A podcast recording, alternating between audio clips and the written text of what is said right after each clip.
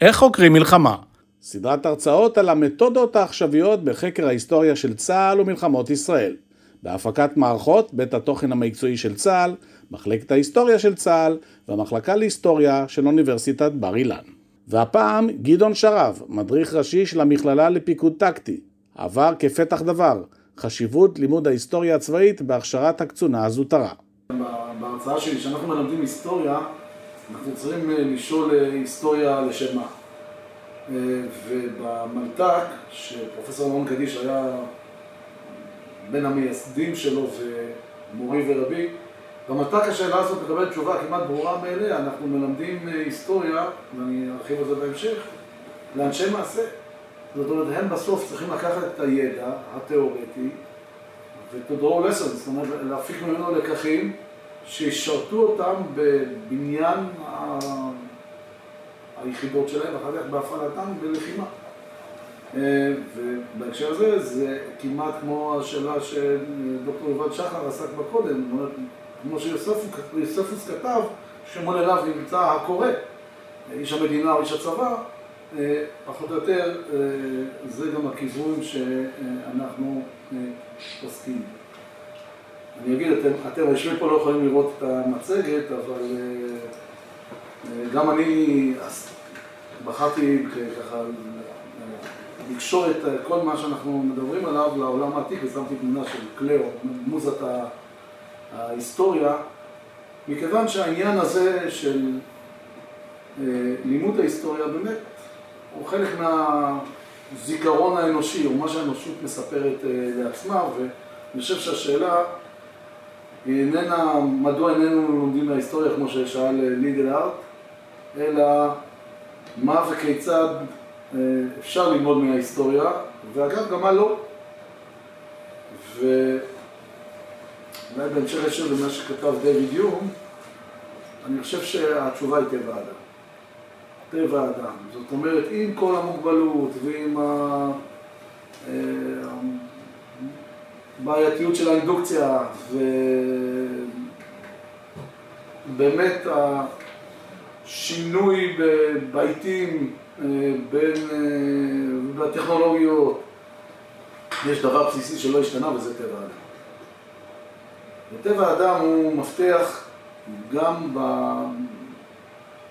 בהסתכלות על מעשה המלחמה וגם אה, בהסתכלות על העתיד של המלחמה וגם בלימוד מעשה המלחמה. ניטשה שאל את השאלה כיצד מועילה או מזיקה ההיסטוריה לחיים.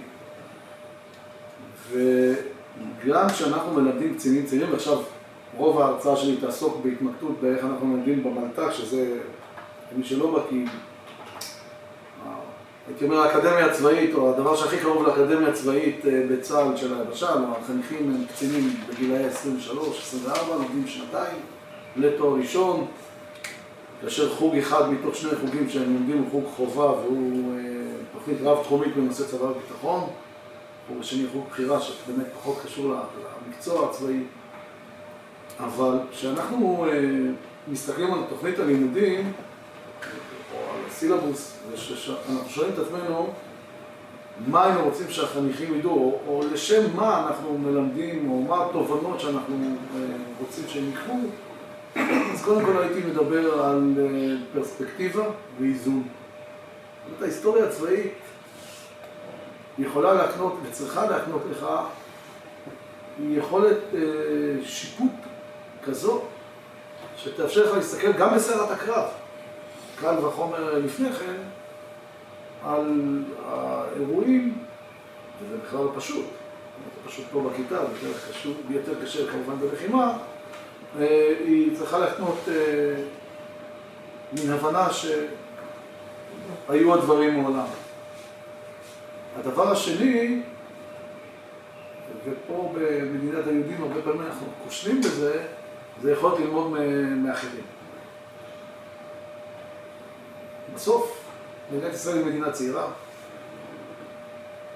עם מעט היסטוריה צבאית, מדינת ישראל המודרנית, כמובן לא... הגענו לה במצדה, אבל היא מדינה צעירה, אמנם עם הרבה מאוד אה, מלחמות, אבל היכולת ללמוד מאחרים, לקבל רפרנס, היכולת לעשות השלכה והעברה מההיסטוריה הזאת, בתנאי שכמובן עושים את זה נכון, היא, היא חשובה ביותר. הסכנה היא הלמידה המוטעת, ואחר כך אני אומר את זה כמה דברים. הייתי מבקש למקד את, ה, את הדברים בבעייתיות. ואני אומר שכשמלמדים אנשים צעירים, אני מניח שגם באוניברסיטה, כשאתם סטודנטים שאינם אנשי צבא נתקלים בדברים האלו, האתגר בלימוד ההיסטוריה הצבאית, היסטוריה בכלל, היסטוריה צבאית בפרט, הוא אף גדול יותר, בשל הכרונולוגיה הצעירה של הקהל ששומע את הדברים. בתלמוד בבלי, מסכת סנהדרין, כתוב כל אחד ואחד חייב לומר, בשבילי נברא העולם. כשאני מדבר בשיעורים אה, אל מול קצינים צעירים, הם בטוחים שההיסטוריה מתחילה מהם מקסימום שנתיים קודם. אה, ולפעמים אתה מפגיש אותם עם מפקדי עבר שהם מבוגרים מהם ב-15 שנה, לא יותר, 20 שנה, זה נראה להם כמו באמת אלעזר בן יאיר. אה, וזו בעיה, כי אם הקהל השומע, במקרה שלי, קציני צבא, לוחמים, ממעטים בהבנת הרלוונטיות של הדברים מבחינתם לסיפור חייהם מכאן והלאה, אז האתגר כאמור כפול ומכופל. הדבר השני שחשוב מאוד, ושוב, מתקשר מאוד לדברים של קודמי, זה הבנת הזמן והמרחב. אם תרצו הסיפור הכללי. אנשים צעירים מתקשים בהבנת הרציפות. עכשיו, גם היסטוריונים מתקשים בהבנת הרציפות והתהליכים, אבל בוודאי הסטודנטים, במקרה שלי, הקצינים במלת"ק. היכולת שלהם לבסס איזשהו רצף בהתפתחות מעשי הלחימה, בהבנת ההשפעה של, אתן דוגמה, של מלחמת העולם הראשונה על מלחמת העולם השנייה, אה, השפעה דרמטית. אה, בהבנת אה, החשיבה הדוקטרינרית והשפעתה על מעשה המלחמה, בהבנת המרחב והזמן, אפילו ברמה הטכנית הזו, או ששוב, מאחר וזה קצינים שהיו מ"מים, מפקדי מחלקות החקלאים, ההסתכלות שלהם היא, היא באמת מיקרו-טקטית, הם מסוגלים להבין כשמנתחים מרחב הם מסתכלים דרך פריזמה של קשית. זאת אומרת, קשה להם רגע להסתכל בצורה רחבה יותר גם על הזמן, וכאמור גם על המרחב. ואנחנו יודעים שאי אפשר להסתכל על ההיסטוריה הצבאית, פשוט לא ניתן בלי להבין את הזמן והמרחב.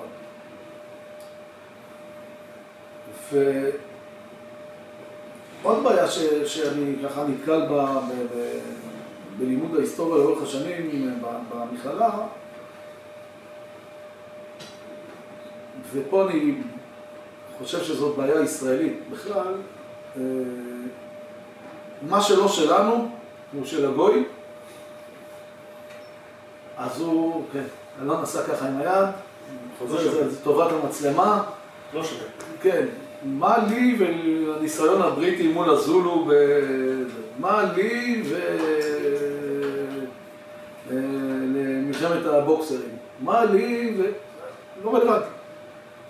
וזאת כמובן שטות מוחלטת, כי לא מאיתנו נברא, אה, נבראו הדברים. יש גם לאנשים צעירים נטייה ל... או לאנלוגיות מופרכות לחלוטין, להשוואות שהן באמת אה, שטחיות, או לריבוי אה, אנכרוניזם.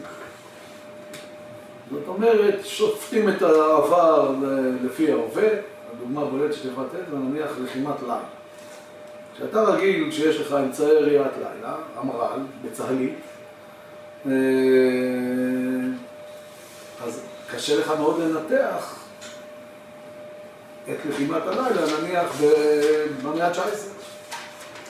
כי הלילה נראה אחרת, פיזית נראה אחרת לגמרי. ועל כן, האנכרוניזם פשוט מעוות את ההסתכלות שלהם על הדברים, ואם ההסתכלות היא מעוותת, אז זה נתפס כלא רלוונטי, ואם זה לא רלוונטי, אז למה אני ללמוד את זה וחוזר חלילה? והדבר האחרון שאני רוצה להתעכב עליו בבעייתיות של לימוד ההיסטוריה הצבאית, זה הנטייה לגלוריפיקציה. בצה"ל אנחנו מכירים את המושג שנקרא מורשת קרב, שיש לו חשיבות משלו, לצורכי הרוח, רוח הגסות, אספחי דקו, אבל אין לו שום דבר עם ההיסטוריה. יש לו קשר רופף עם ההיסטוריה. וכשקצין, כל מה שהוא שומע מיום גיוסו ועד, אה, נניח שהוא בגולני, אז מורשת קרב על החרמון, ומורשת קרב על תל וכדומה וכדומה.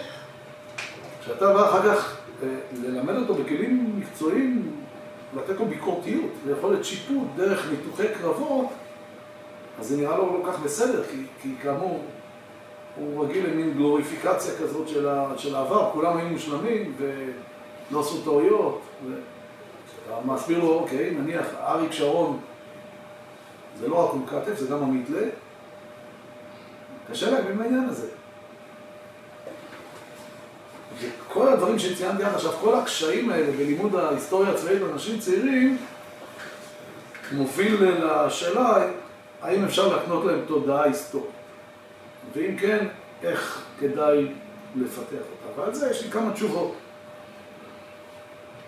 התשובה הראשונה, אני חושב, זה הוראת המלחמה או מעשה המלחמה כמעשה אנושי שלנו.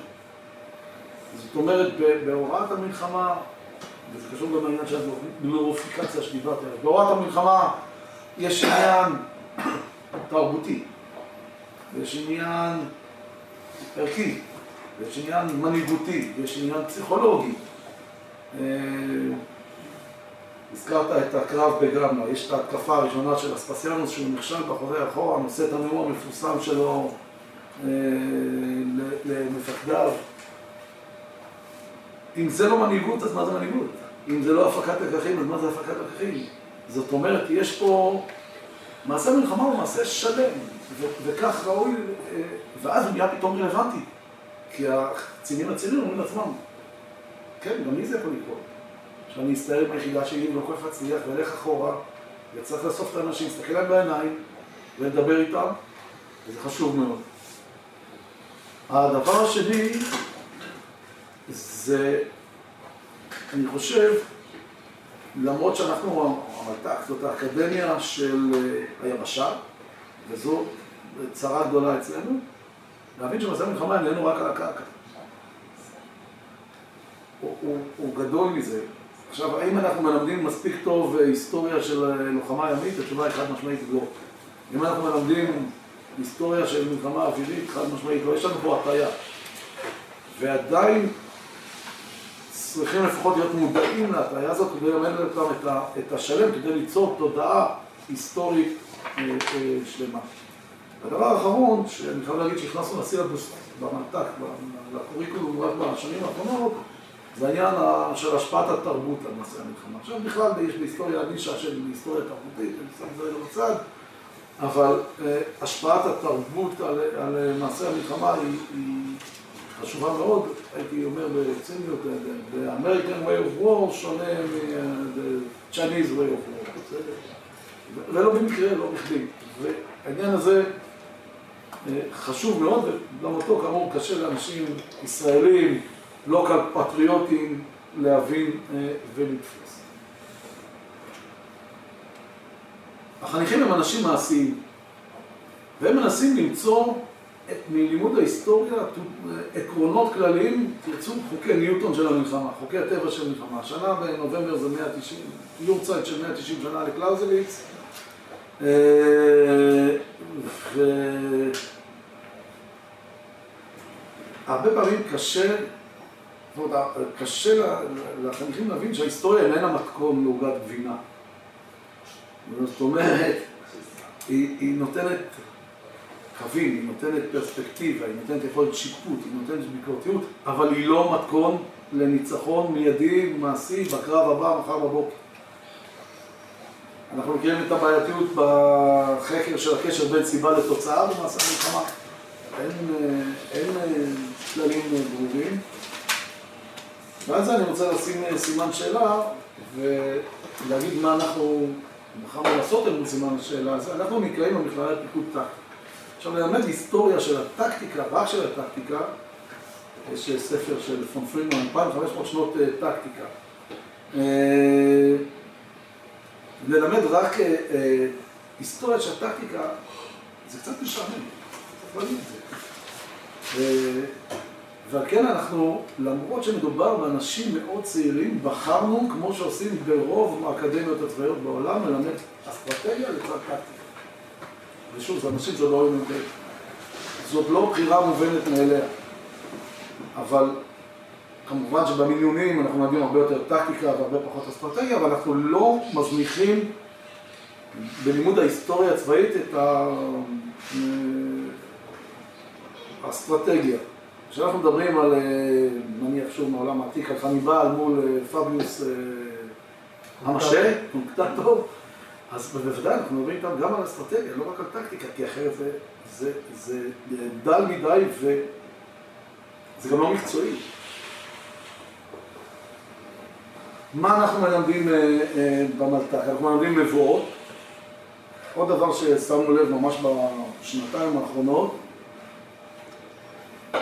לא לשבחו של, או לשבחה של מערכת החינוך הישראלית, שבהקשר של זמן ומרחב שדיברתי עליו קודם, חסרה איזו פרספקטיבה כללית של ההיסטוריה של המין האנושי.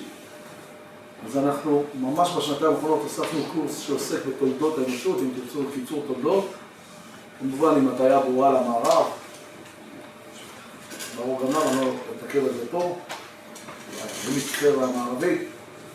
אנחנו מלמדים היסטוריה של המזרח התיכון, שוב, קשור להבנת המרחב שבתוכו אנחנו חיים ופועלים. אנחנו מלמדים את היסטוריית המלחמות שלנו, תרצו מהשומר ועד לבנון השנייה. דוקטור טל טובי שיושב פה נותן קורס על היסטוריה והגות צבאית בעת החדשה, קורס נפלא.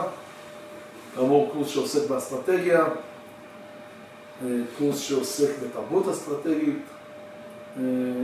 וסמינר שאני רוצה להתעכב עליו כמה דקות, שאותו אנחנו מעבירים בשילוב עם מחלקת ההיסטוריה של צה"ל, עומדת בבסיס הכנס הזה, והוא סמינר חקר קרבות. אנחנו בסמינר, ושוב, זה לימודים לתואר ראשון, עם כל הבעייתיות של תלמיד לתואר ראשון, בטח במלת"ק, שיש לו מעט זמן והמון המון משימות.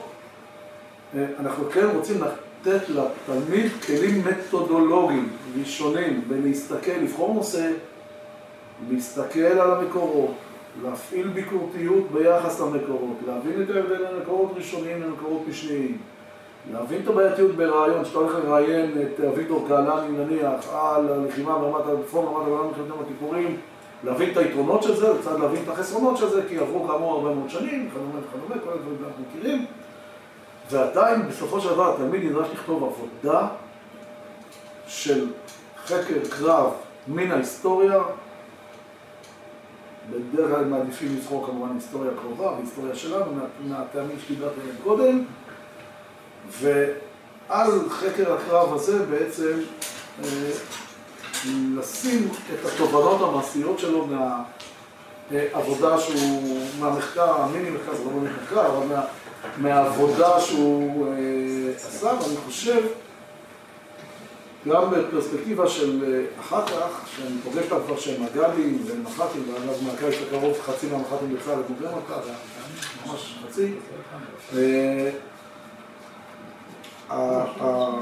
העבודה הזאת משרתת אותם הרבה מאוד. הדבר האחרון שאני אתעכב עליו, ממש במשפט אחד, זה סיור אתרי קרבות שאנחנו עושים, יוזמה של פרופסור קדיש במקור, וגם היא, בתוך ה... גם הסיור הזה בתוך העניין של הפרספקטיבה, זה להבין רגע מקומות אחרים, זמנים אחרים, מרחבים אחרים, ואנשים שהם בסוף אנשים כמוני וכמוך. לאורך שנים רבות עשינו את הסיור הזה באירופה, עם שינויים במקומותינו קצת, לא בטבע המלחמה, אבל באופי המלחמה. אז שינינו את הסיור הזה לסיור בעקבות מלחמת וייטנאם. שוב, אני לא רוצה עכשיו את האנלוגיות שחלקם מתאימות וחלקם פחות למקומותינו, אבל ככה חשנו שהסיור יהיה, ייתפס כיותר רלוונטי על ידי החניכים. תודה רבה.